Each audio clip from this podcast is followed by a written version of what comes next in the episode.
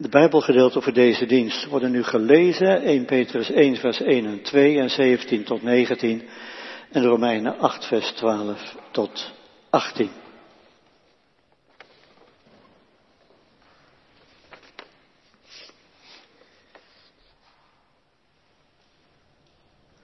...1 Petrus 1, vanaf 1 en, vers 1 en 2.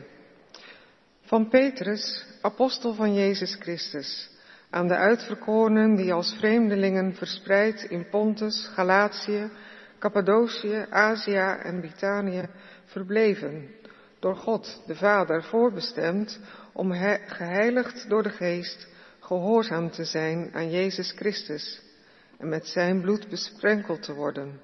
Genade zij u en vrede in overvloed. lezen we verder in vers 17. En aangezien u hem, die iedereen beoordeelt naar zijn daden, zonder aanzien des persoons vader noemt, moet u tijdens uw leven als vreemdeling ook ontzag voor hem hebben. U weet immers dat u niet met zoiets vergankelijks als zilver of goud bent vrijgekocht uit het zinloze leven dat u van uw voorouders had geërfd, maar met kostbaar bloed van een lam, zonder smet of gebrek van Christus. Dan lezen we verder in Romeinen 8, vers 12 tot 18.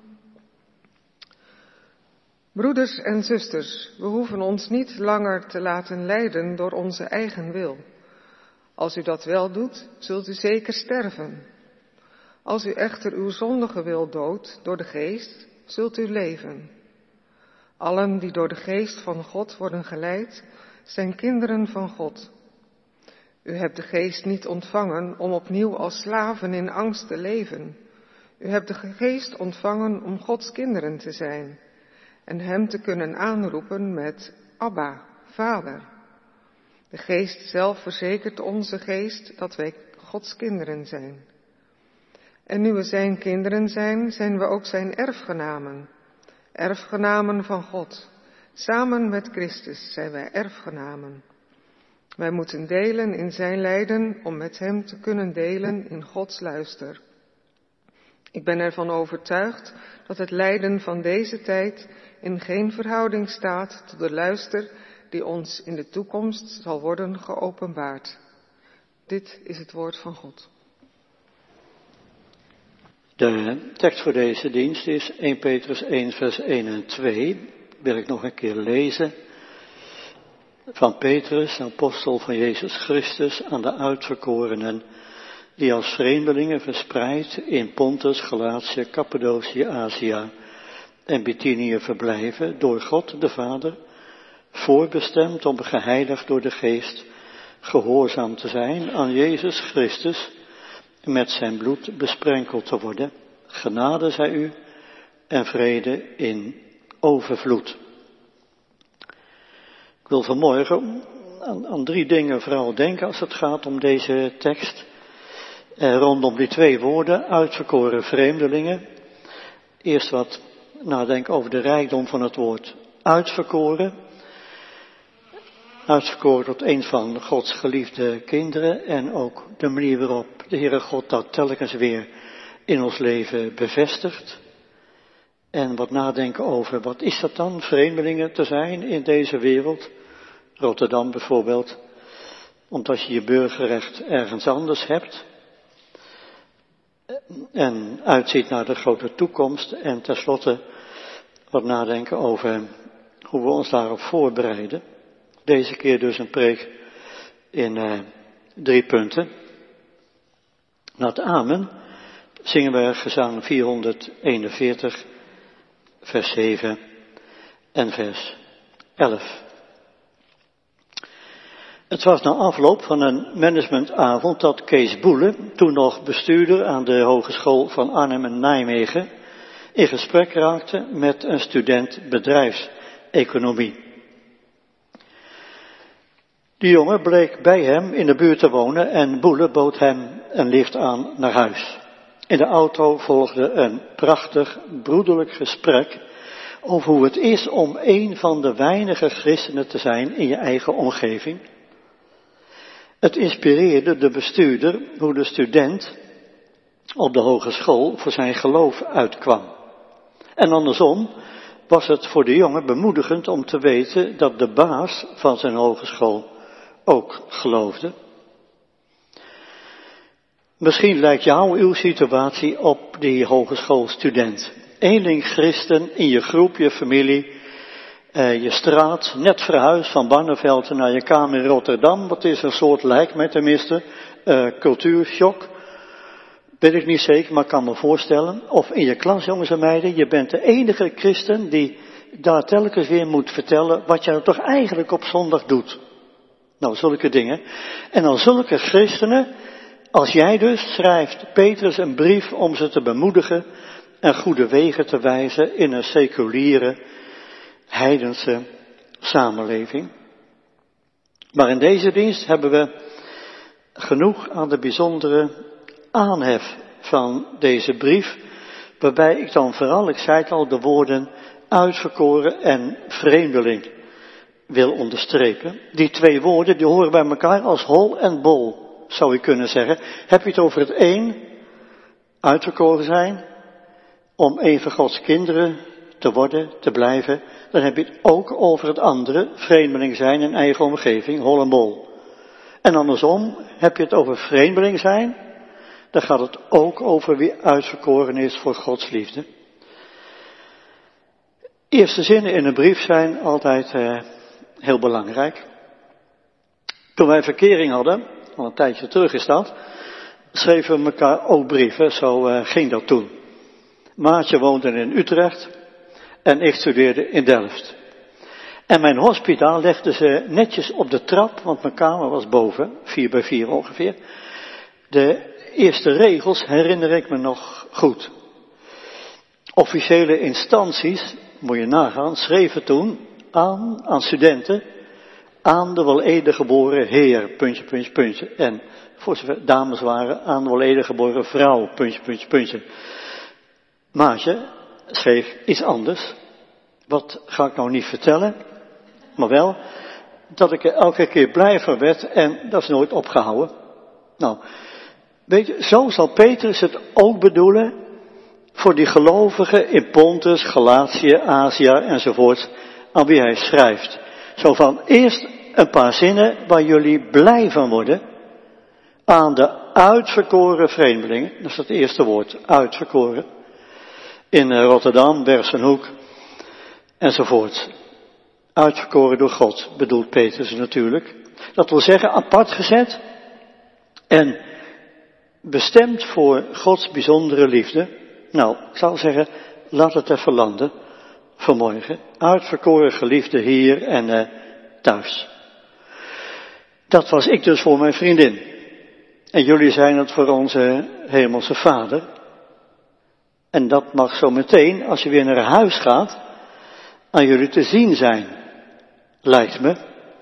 Ik denk dat Petrus dat ook wel bedoelt. Ongetwijfeld zijn we allemaal ook wel eens somber, denk ik, hè.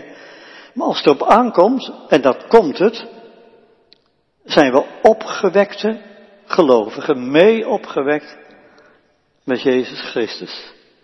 Opgewekte gelovigen. Ooit kwam een van onze kinderen, niet Arjan, voor alle misverstand te voorkomen, ooit kwam een van onze kinderen op zaterdagavond thuis en zei mijn vrouw, en? Heeft ze ja gezegd? Hoe weet u dat nou? nou dat is geheim van moeders. Jullie gaan zo weer naar huis. Je buurman zal het wel niet vragen of je kamergenoot. Maar stel je voor dat het wel gevraagd wordt.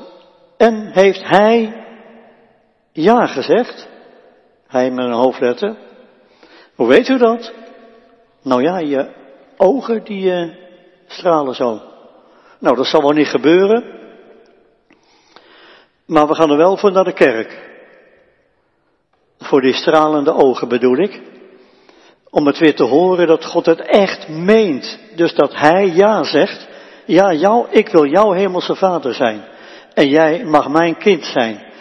Ik heb je vrijgekocht uit dat oude, zinloze bestaan. Nee, niet met zilver of goud. maar met het bloed van een lam, zonder smet of gebrek, het bloed van Christus.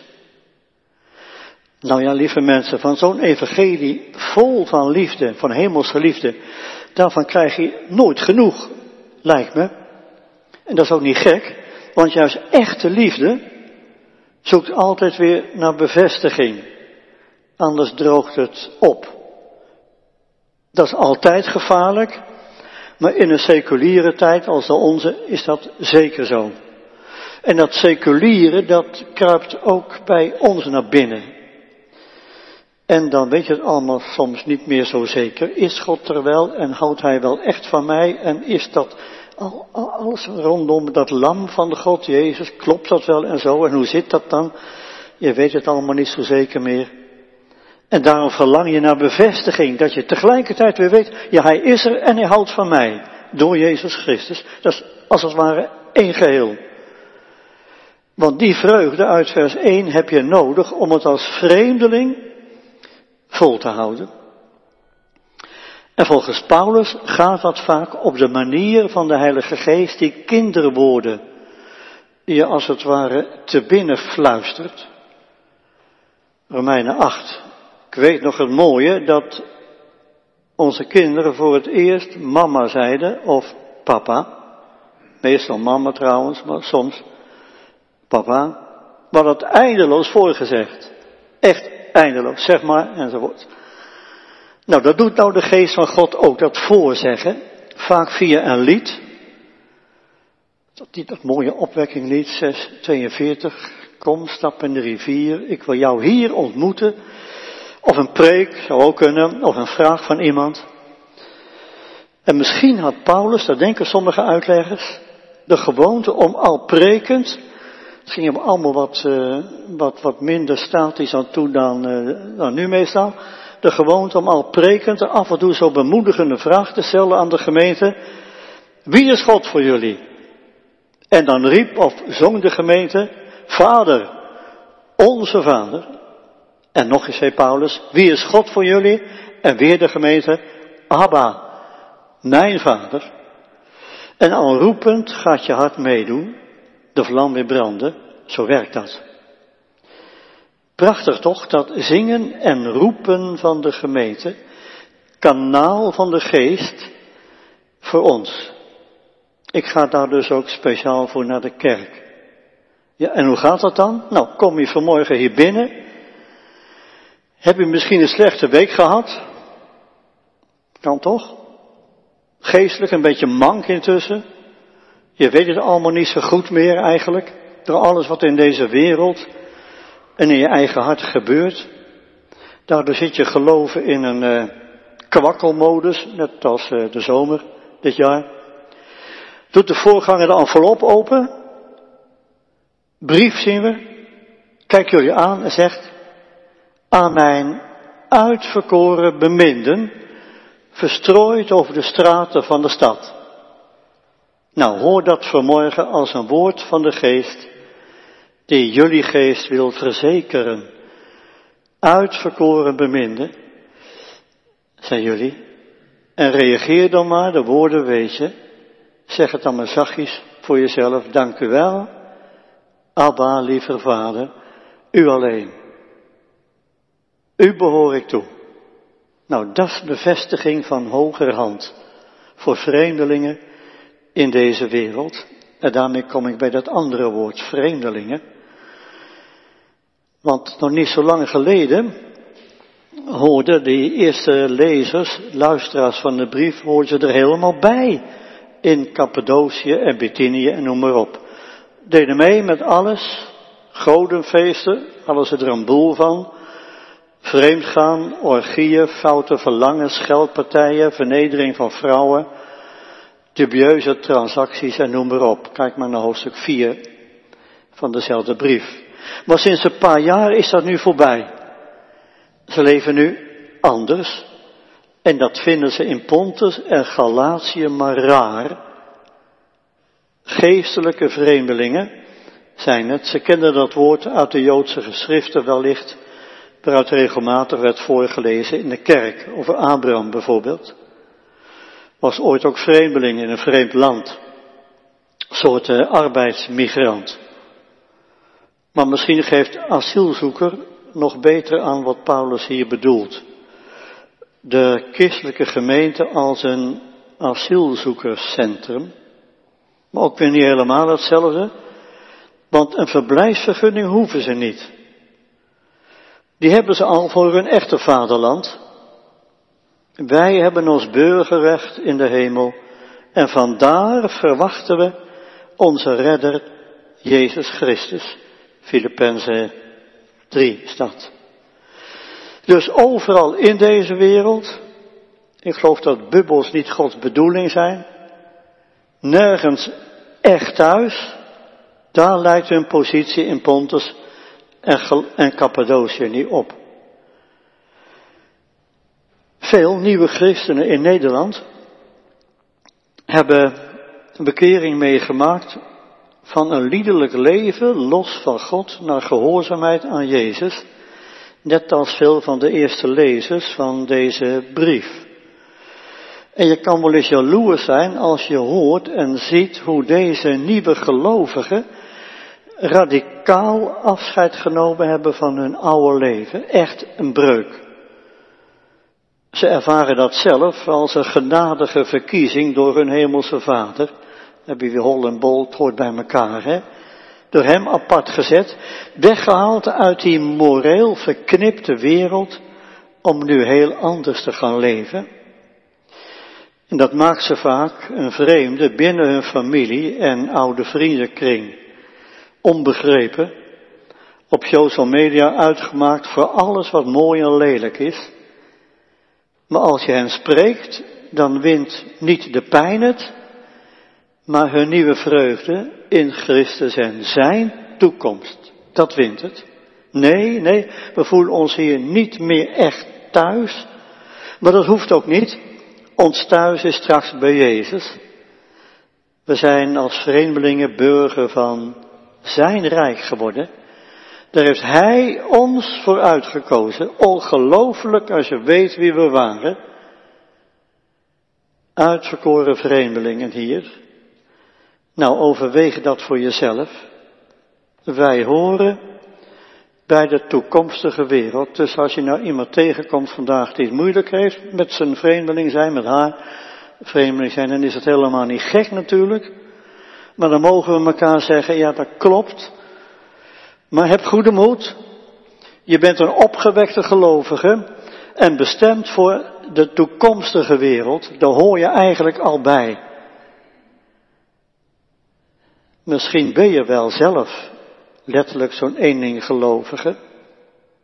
Een van onze vrienden vertelde kort geleden over zijn diensttijd. Alweer heel wat jaren terug. Dan poosje zeiden zijn kamergenoten, wat ben jij eigenlijk voor iemand? Je drinkt niet, je gebruikt geen drugs, je gaat niet vreemd.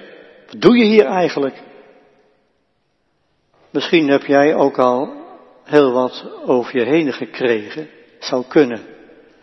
Vanmorgen komt Gods liefde over jou heen, vanuit die geweldige rivier van levend water. Zijn liefde die jou voor zijn toekomst voorbestemd heeft. Ja, dat ook nog voorbestemd heeft. Dus hij had jou al lief toen je nog in de schoot van je moeder was. Kan je toch bijna niet voorstellen, maar ze wist het wel. En in zijn eeuwigheid dacht hij al aan jouw eindbestemming. En daarvoor heeft hij jou in zijn eeuwige plan apart gezet toen jij nog van niets wist.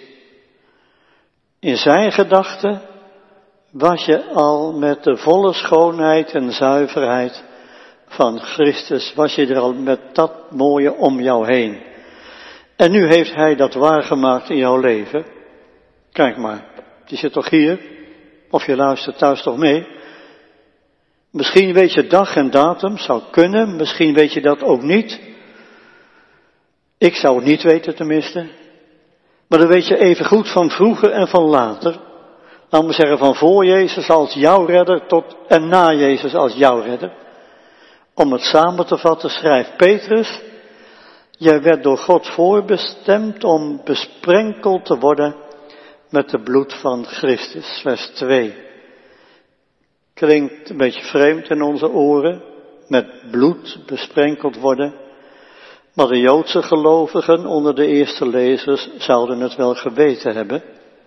Zij kenden dat ritueel van offerbloed, sprenkelen, spatten, op verschillende momenten uit hun lange geschiedenis. Nou, al dat bloed sprenkelen, spatten, in het Oude Testament is een verwijzing naar het offer van Jezus Christus voor jou, voor u. Je bent voorbestemd om je leven lang besprenkeld te zijn met Christus bloed. Dus echt, hoe feestelijk kan het zijn? Zo ziet God jou. En mocht u twijfelen, kijk dan naar je doop. Dat gebeurde met water, maar het heeft dezelfde betekenis. Gereinigd, geheiligd en levenslang vergeven. En daarna dankte de gemeente over jou dat u, Heere, dit kind als een van uw kinderen en erfgenamen aangenomen hebt. God heeft voor jou gekozen dat je zal leven in overvloedige vrede met Hem en vol van Zijn genade. Ook al weet de Heer heel goed van onze zonden en misdaden, die kunnen ons wel eens van de wijs brengen, dat zei ik al. Nou raak je geestelijk een beetje mank. De kwakkelmodus, weet u wel. Maar God laat zich niet van de wijs brengen. Gekozen is gekozen bij God. Hij is met jou begonnen. En dat laat hij niet los. Nou zou iemand kunnen denken, nou nou, loopt Petrus niet wat hard van stapel? Moet er eerst niet wat gebeuren met ons?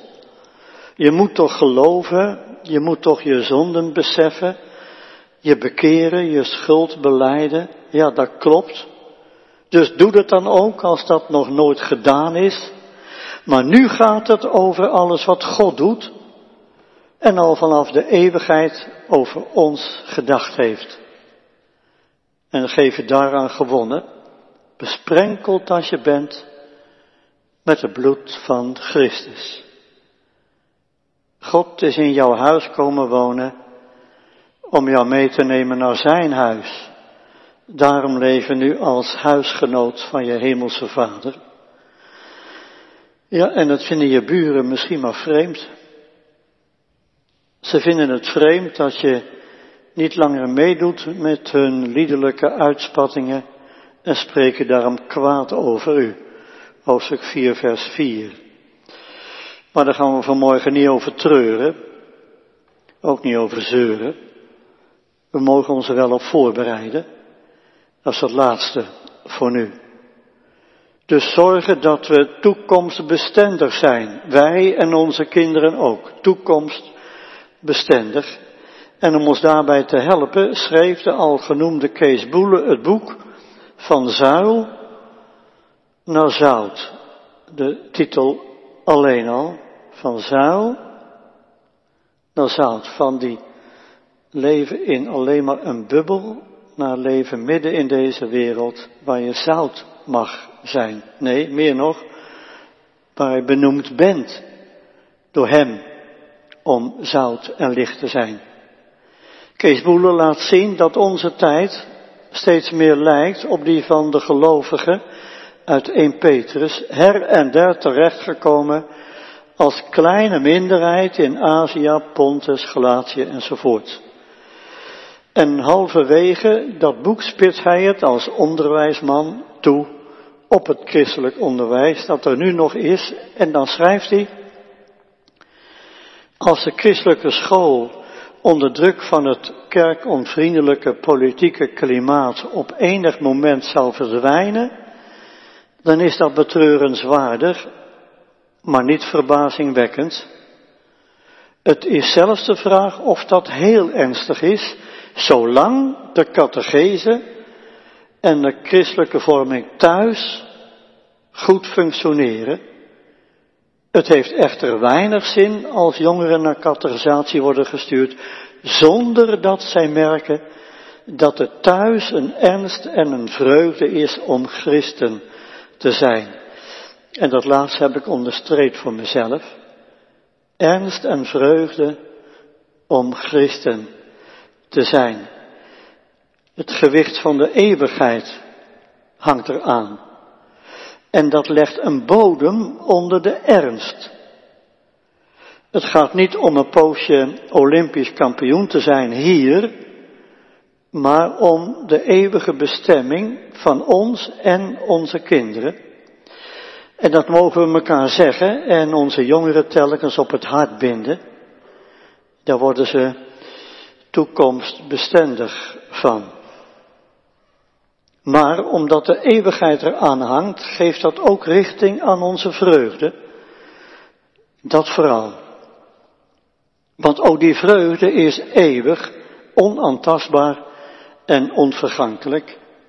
Hoofdstuk 1, vers 4. Want we zijn op weg naar huis. Op weg naar Jezus' komst. Naar de ontmoeting met Hem om te luisteren naar Zijn liefdestem. Daar geen rouw meer en geen tranen in het Nieuw Jeruzalem. Een van onze goede vrienden heeft een ernstige vorm van kanker. Hij zei laatst, ik leef, Wim, bij het lied over de rivier. Daarom hebben we het ook gezongen. Kom en ontvang een heel nieuw leven. Kom en stap in de rivier. Jezus roept jou. Hij verwacht je. Hij zegt, ontmoet mij hier. Nou, die ernst en stille vreugde bedoel ik, dat maakt alles anders. Dat ontsteekt een vuur in je eigen hart en in het hart van onze jongeren. Betere voorbereiding op een moeilijke toekomst als vreemdeling weet ik niet. Eenvoudig wordt het nooit. Kan je wat gaan kosten. Maar voor we daarover gaan klagen, is het goed om tenslotte nog even te rekenen. Ik bedoel, weeg de eventuele kosten van je vreemdelingschap in deze wereld, weeg dat eens af tegen de eeuwige winst van Gods overvloedige genade en vrede voor altijd in zijn nieuwe wereld. En wat krijg je dan? Volgens mij een lied. Het zal niet lang meer duren. Hou nog maar even vol. Het zal niet lang meer duren, dan zijn we bij ons doel. Daar wacht ons lafenis, als wij met alle vromen voor eeuwig mogen wonen, waar onze koning is. Halleluja. Amen.